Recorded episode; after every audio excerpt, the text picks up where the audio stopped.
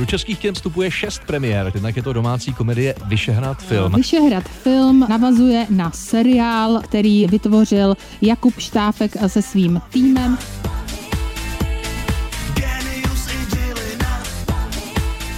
Staví na rychlém střihu, nápadité postprodukci. A Dělá si srandu z českých fotbalistů. Má velké ambice přilákat do kin mladší diváky. Co se týče recenzí, tak ty jsou dobré. Tady je Matěj Skalický a tohle je Vinohradská 12. Fotbal, drogy, ženy. Nejdřív seriál a teď film. Vyšehrad šokuje i baví. Zařadil se mezi nejnavštěvovanější české filmy za první dny v kinech. Proč hloupý a vulgární fotbalista Lavy diváky tolik táhne a co jeho úspěchu nahrává, odpovídá můj rozhlasový kolega, filmový kritik Pavel Sladký.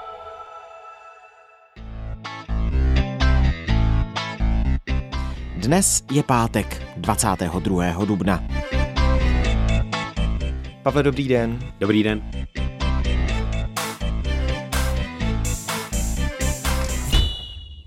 Během prvních dní vidělo film Vyšehrad přes 200 tisíc diváků. Jak velký úspěch to je v kontextu běžné návštěvnosti českých kin? Je to jednoznačně úspěch, je to nejlepší postcovidový start českého filmu v kinech vůbec.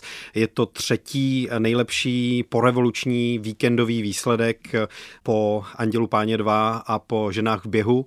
Je to eh, vyjádřeno číslem 173 tisíc diváků, kteří přišli za ten úvodní víkend a producenti přifoukli eh, tohle číslo o předpremiéry a o velikonoční pondělí, které navíc eh, nejistým počasím dost nahrálo návštěvě kina, takže z toho vzniklo 204 eh, tisíc eh, diváků, což je skutečně úctyhodné číslo. Já jsem chyběl mezi těma dvěma tisíci českými diváky, co se na Vyšehrad film s tvrdým i přišlo podívat. Kdybyste měl v jedné, ve dvou větách mi říct, o čem to je? Velmi stupidní, mírně řečeno, fotbalista Lavy, který je ale zároveň velmi talentovaný.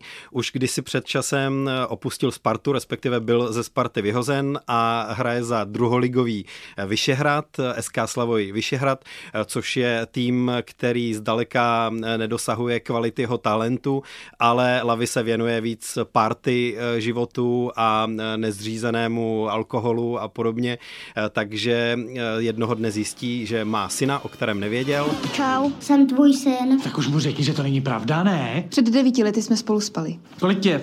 Osm. To nesedí, a jeho sportovní i rodinná v úvozovkách e, linie tak velmi volně e, spojuje všechny epizody z jeho života, které v tomhle filmu vidíme. Kdyby cokoliv, tak volej. Jo, jasný, prostě. To bylo na mě. Tedy komedie ze sportovního prostředí, žánrem. Se satirickým podtextem na české fotbalové prostředí. Teď, když jde Liga do finále, bude potřeba trochu víc jednat. O čem? O výsledcích. O rozhodčích. Bez rozhodčích, akorát po hřišti pobíhá 22 maníků a honěj se za myčudou jako č...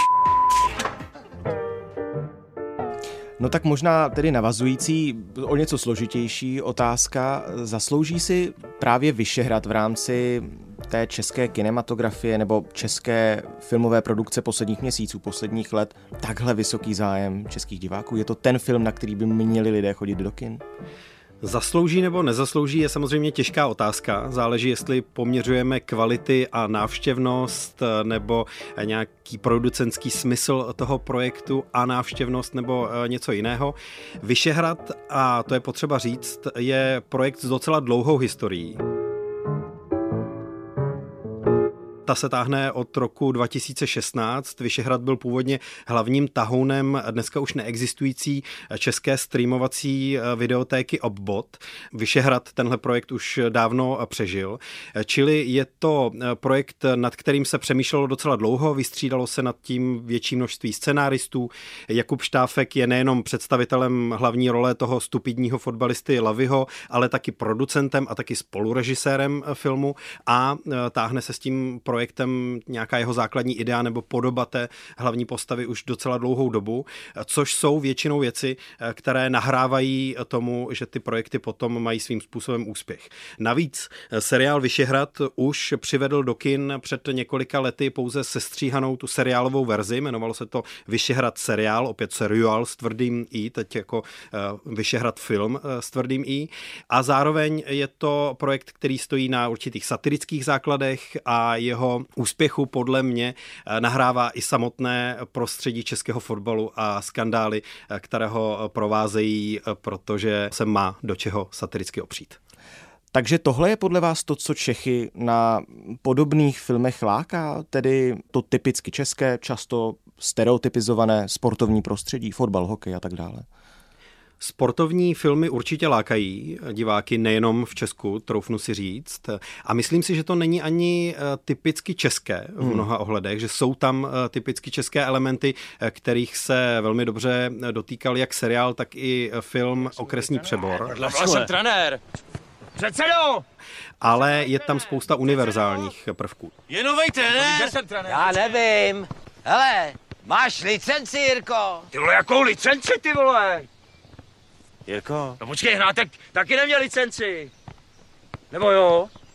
Měl. Měl. Ale kece, byl úplně blbej. No, ale měl licenci. Sport je eh, věc, která filmařům nabízí silné příběhy, jsou tam jasní vítězové, jasní poražení eh, často, eh, jsou tam sportovní příběhy, které mají společenský přesah. Připomenu například filmy Poslední závod, ten má taky docela slušný divácký ohlas v kinech, který je o lyžování. Zlatý podraz byl o basketbalu. Ze zahraničních seriálů úspěšných v posledních době Ted Lasso je film o trenérovi amerického fotbalu, který přichází trénovat britské fotbalisty. Ted Lasso? Hey there, Ali. Leave it. Al, what are you doing here? Eh, to jsou eh, všechno silné příběhy, které velmi často nemusí být, eh, zvlášť když jsou komediální, jenom o vítězích, ale můžou být taky o luzrech, hmm. o těch, kteří se nějakým způsobem potápějí. Velmi přímou souvislost s Vyšehradem tvoří i seriál Lajna který opět začíná tím, že hokejový trenér eh, byl vyhozen od reprezentace, stěhuje se do Havířova, začíná eh, úplně znova. Abych ukázal, že jsme na jedné lodi, můžete mi tykat. Jsi zvyklý hrát s bránícím pravým křídlem? Nebo... Už mi nikdy, nikdy netýkají, rozumíš? A nějaký eh, obhroublý, zemitý humor s tím spojený je tam velmi vlastně podobný jako u Vyšehradu. Ostatně i scenaristické zázemí těch obou seriálů souvisí. Plus tedy to obsazování poměrně známých herců do těch hlavních rolí. Teď je tedy Jakub Štáfek, Lajna to je Jiří Langmajer? Ano, přesně tak. Ale i v těch nejbližších vedlejších rolích jsou často výrazní herci, což je dáno tím, že ta produkce i pro online televize v Česku se velmi stabilizovala, takže i ty seriály, které mají třeba desetiminutové díly, jako měl Vyšehrad, nebo 20-minutové, jako mývá Lajna, jsou obsazené vlastně velmi jako prvoligovými českými hereckými jmény. Hmm.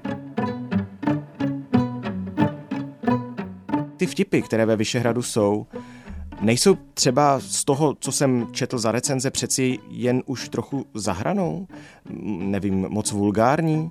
Já si myslím, že Vyšehrad eh, cíleně pracuje eh, s tím, že jde trochu dál, než by se jakoby slušelo. Eh, že to je součástí nějakého drzosti. Nejvíc to připomíná parodické americké bijáky z počátku nultých let. Takže pokud máte rádi fekální humor, kde se... Prostředí tuzemské komedie, která se v posledních letech zasekla na ždímání těch samých vtipů o rozdílech mezi muži a ženami, Působí tahle bajka o sebestředném dutohlavovi svým způsobem svěže. Pokud uh, máte uh, rádi alkohol, samozřejmě, který já tedy nepodporuji uh, v tomto vysílání v žádném případě, ale pokud ho máte rádi, tak můžete na ten film taky jít. Je to film, ze kterého je patrné, že ho dělala eh, třicátnická generace. Mm. Nakonec Jakubu mm. Štávkovi eh, není ještě ani 32 a eh, to ten snímek, jeho premiéra už byla covidovými důvody po nějaký čas odkládána. To je ten rozdíl vůči většině mainstreamových českých komedií, které se někdy označují kvůli svému humoru za trochu kontroverzní. Kontroverzní v Česku znamená většinou šovinistické, sexistické nebo skeptické skeptické vůči jakýmkoliv ideálům, eh, notabene nějakým liberálním ideálům. Hmm. Tohle v Česku dost často znamená kontroverzní komedie. Tady ve Vyšehradu řada stereotypů taky je. To je jasné, jak z hlediska muži, ženy, obraz pod pantofláka a podobné záležitosti, to jsou velmi stereotypní momenty Vyšehradu. Zároveň je ale patrné, že některým věcem ta třicátnická generace rozumí už úplně jinak, než jako jsou filmy Jiřího Vejdělka, Marie Poledňákové a dalších tvůrců, kteří přece jenom cílí mnohem víc na to stárnoucí publikum. Já za určitého předskokana Vyšehradu v tom diváckém úspěchu vidím Ivánku Kamaráde od Petra Čtvrtníčka, což byl mnohem konceptuálnější projekt, který vycházel z odhalených odposlechů eh, Ivana Horníka a dalších eh, fotbalových funkcionářů skandálních. Korupční fotbalová aféra se opět rozrůstá. Policie obvinila dalších 17. Samozřejmě jsem nebyl informovaný o tom, že mám 10 měsíců, 24 hodin odposlouchávaný telefon. Takže Pro lidi z fotbalu jsou další obvinění ranou. Hrozí totiž, že nejvyšší soutěž nebude mít dost rozhodčích. Které stačilo pouze vlastně zinscenovat, poupravit do dramatické podoby a vznikla velmi neúprosná satira na uh, ty poměry v českém fotbale a v tom funkcionářství, v tom bafuňářství. Peťasku, kamaráde, můžeš mluvit? Můžu, Jiříku, můžu. Jsou nervy, co? Ty vole. Jsem ti poslal takový ty notičky, víš? No. Abys to měl jako ošetřený tady. Jsi šikovný kluk, ne? Takhle daleko Vyšehrad rozhodně nejde, je mnohem povrchnější, mnohem zábavnější, i když těchto momentů takového mafiánství v českém fotbalu se samozřejmě chce dotknout a dotýká v několika momentech. Takže je ten humor spíš prvoplánový, než že by měl nějaký větší přesah, jako třeba právě ta divadelní inscenace kauzy Viktorie Žižkov, Ivánku Kamaráde. Je to humor, jehož eh, nějaká svěžest spočívá v tom, jak rychle ten film ocípá, jak hromadí eh, jednotlivé momenty, nějaké bizarní eh, nápady. V tomhle je určitě zábavný. Nejsem dost velký snob nebo elitář na to, abych se u toho filmu nezasmál nebo, nebo to dokázal nějak zapřít v tenhle moment. Zasmál jsem se u Vyšehradu na několika momentech. Je to film, jehož humor spočívá do značné míry v něčem něčem podobném, eh, čím disponoval seriál Most eh, České hmm. televize. Je to dílo, které nám představuje hrdiny, které jsou i slovy samotného toho seriálu dementní.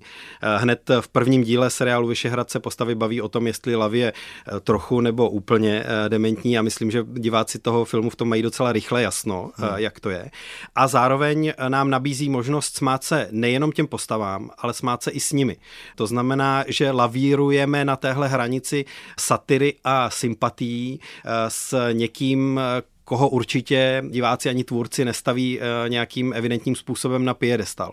Zatímco třeba okresní přebor při vší zemitosti eh, toho eh, místního českého folkloru byl docela jemnou ironií na mnoha místech a nakonec to byl seriál a nebo v případě posledního zápasu Pepika Hnátka film, který se zaobíral vlastně smrtí jako tématem uvnitř toho všeho, uvnitř toho venkovského kolotočářství. Tak Vyšehrad je seriál, který rozhodně rozhodně na smrt nemyslí ani film, který na smrt uh, nemyslí. Je to uh, takové roztočené kolo uh, vulgarit, banalit a satiry na to české prostředí. Hmm. Ale i třeba, když jste zmínil Most, tak i tam byla kritizovaná často ta hrubost vtipu, když to velmi eufemisticky nazvu. Tak vám tedy, pokud to správně chápu, přijde taky ta hrubost vtipu ve Vyšehradu autentičtější, než že by byla třeba jenom na efekt, jako u spousty jiných filmů bývá. Já si především o tom fotbalovém prostředí nedělám žádné iluze. Tak jsem to myslel. a nejenom z hlediska využívání nebo používání vulgarismu a, a chování e, ve fotbalové šatně a tak dál. Ty drž hubu, ty vole. S tebou já končím, kamaráde, vole. Co, kamaráde, vole, tobě vypovídám okamžitě smlouvu, ty, ty z... Ne, ty nejsi vole, ty seš... Ty. Já nebudu hrát žádný Bčko, sorry, jako já mám navíc do p***y. Tak to zítra dokážu takže do určité míry je to zrcadlení eh, toho, co prostě skutečně eh, existuje a Lavy jako hlavní postava toho filmu se opírá i o některé skutečné výroky. Nic takového se nestalo a ta částka taky nesedí. Já jsem na recepci byl, to je pravda, ale eh, nic jsem neplatil. Ta částka taky nesouhlasí. Vyšehrad s gustem eh, zatahuje eh, některé konkrétní fotbalisté, další sportovní hvězdy eh, do toho dění v cameo rolích a je potřeba říct, že takový Tomáš Rosický vlastně svoji roli hraje sice skoro bez slov, ale vlastně velmi slušně. Bavili jsme se také o tom, že Vyšehrad byl původně seriál, následně tedy film. Máme i jiné příklady z české kinematografie. Okresní přebor, nejdřív seriál, potom film. Kancelář Blaník, nejdřív seriál, potom film, to tedy byla politická satira, ne komedie z nějakého sportovního prostředí. Že to je trend, to asi je jasné, ale myslíte si, že takhle budou filmoví producenti vlastně do budoucna pracovat s těmi svými uměleckými díly? Producenti samozřejmě zvažují ten risk, toho financování nějakého projektu, takže se eh, snaží vždycky o něco opřít. Známé jméno nebo známý námět, eh, adaptace slavného knižního bestselleru. Dnes se filmy, a to i velké franšízy, dělají i podle hraček, jako jsou Transformers. Převádějí se seriály do filmové podoby, ale zároveň filmy mají novou, potom seriálovou podobu. Stačí se podívat na úspěšné a kvalitní seriály americké, jako je třeba Fargo, které původně bylo filmem bratří Koenových a další a další případy toho, že v té popkultuře se ty náměty a zvlášť ty, které jsou úspěšné nebo mají naději na nějaký divácký zásah, přelevají všemi směry. A to, že se nějaký materiál vyzkouší na epizodní podobě, televizní nebo onlineové a pokud eh, funguje, tak se s ním nějakým způsobem dál pracuje. To je, myslím, eh, evidentní a určitě tenhle trend bude pokračovat nebo budou ho eh, producenti rozvíjet. Jenom si v případě Vyšehradu myslím, že u tohoto filmu jednou a stačilo.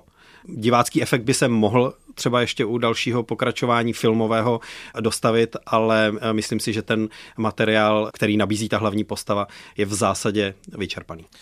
Nemůže podle vás v tom úspěchu Vyšehradu hrát roli i to, že si prostě čeští diváci chtějí po těch několika týdnech eh, stresu z toho, co se děje na Ukrajině, z ruské invaze na Ukrajinu, z těch tří let, co tady prožili v izolaci kvůli covidu, prostě jednoduše odpočinout u něčeho oddechovějšího. Rozhodně ano, ty oddechové projekty eh, vyhledávají kina a producenti už delší dobu. Eh, myslím si, že ten pocit, že pandemie, zdražování a válka na Ukrajině nedaleko od našich hranic, že přišli ještě navrh k tomu všemu, co už jsme tady měli, že je docela všeobjímající eh, v české společnosti, že to je jedna z mála věcí, která českou společnost nějak spojuje napříč různými sociálními vrstvami. A už v průběhu pandemie, už v průběhu první vlny vlny bylo patrné, že třeba distributoři eh, sázejí radši na ty oddechovější tituly nebo třeba na filmy, eh, které se zaobírají nějakými problémy, ale mají trochu eh, terapeutické feel good vyznění, že se snaží opřít o něco, co by mohlo být divácky vděčné. Z dokumentárních filmů, které se neopírají portrétně o nějakou slavnou známou osobnost s velkým jménem, se stal docela rizikový podnik uvést něco takového do kina, eh, uvést nějaké radikálnější filmy, které jsou třeba temnější, eh, se zdá být dneska spoustě distributorů úplná komerční sebevražda, takže eh, snímek jako je Vyšehrad, ale i několik dalších, kterého dneska v kinech obklopují, jak už domácí nebo americké provenience, jsou pro ty kinaře velkou spruhou. Je to záblesk naděje na návrat na ta předcovidová čísla návštěvnosti, která byla v Česku velmi dobrá a Eh, je to prostě dobrá známka toho, že se lidi chtějí vrátit do kina, když eh, mají na co. Moc krát díky za všechny vaše odpovědi. Děkuji za pozvání, hezký den. Tohle je vše z Vinohradské 12, z pravodajského podcastu Českého rozhlasu. Tentokrát jsme mluvili o velkém filmovém úspěchu Vyšehradu, tedy snímku, který se zařadil mezi ty nejnavštěvovanější české filmy za první dny v kinech.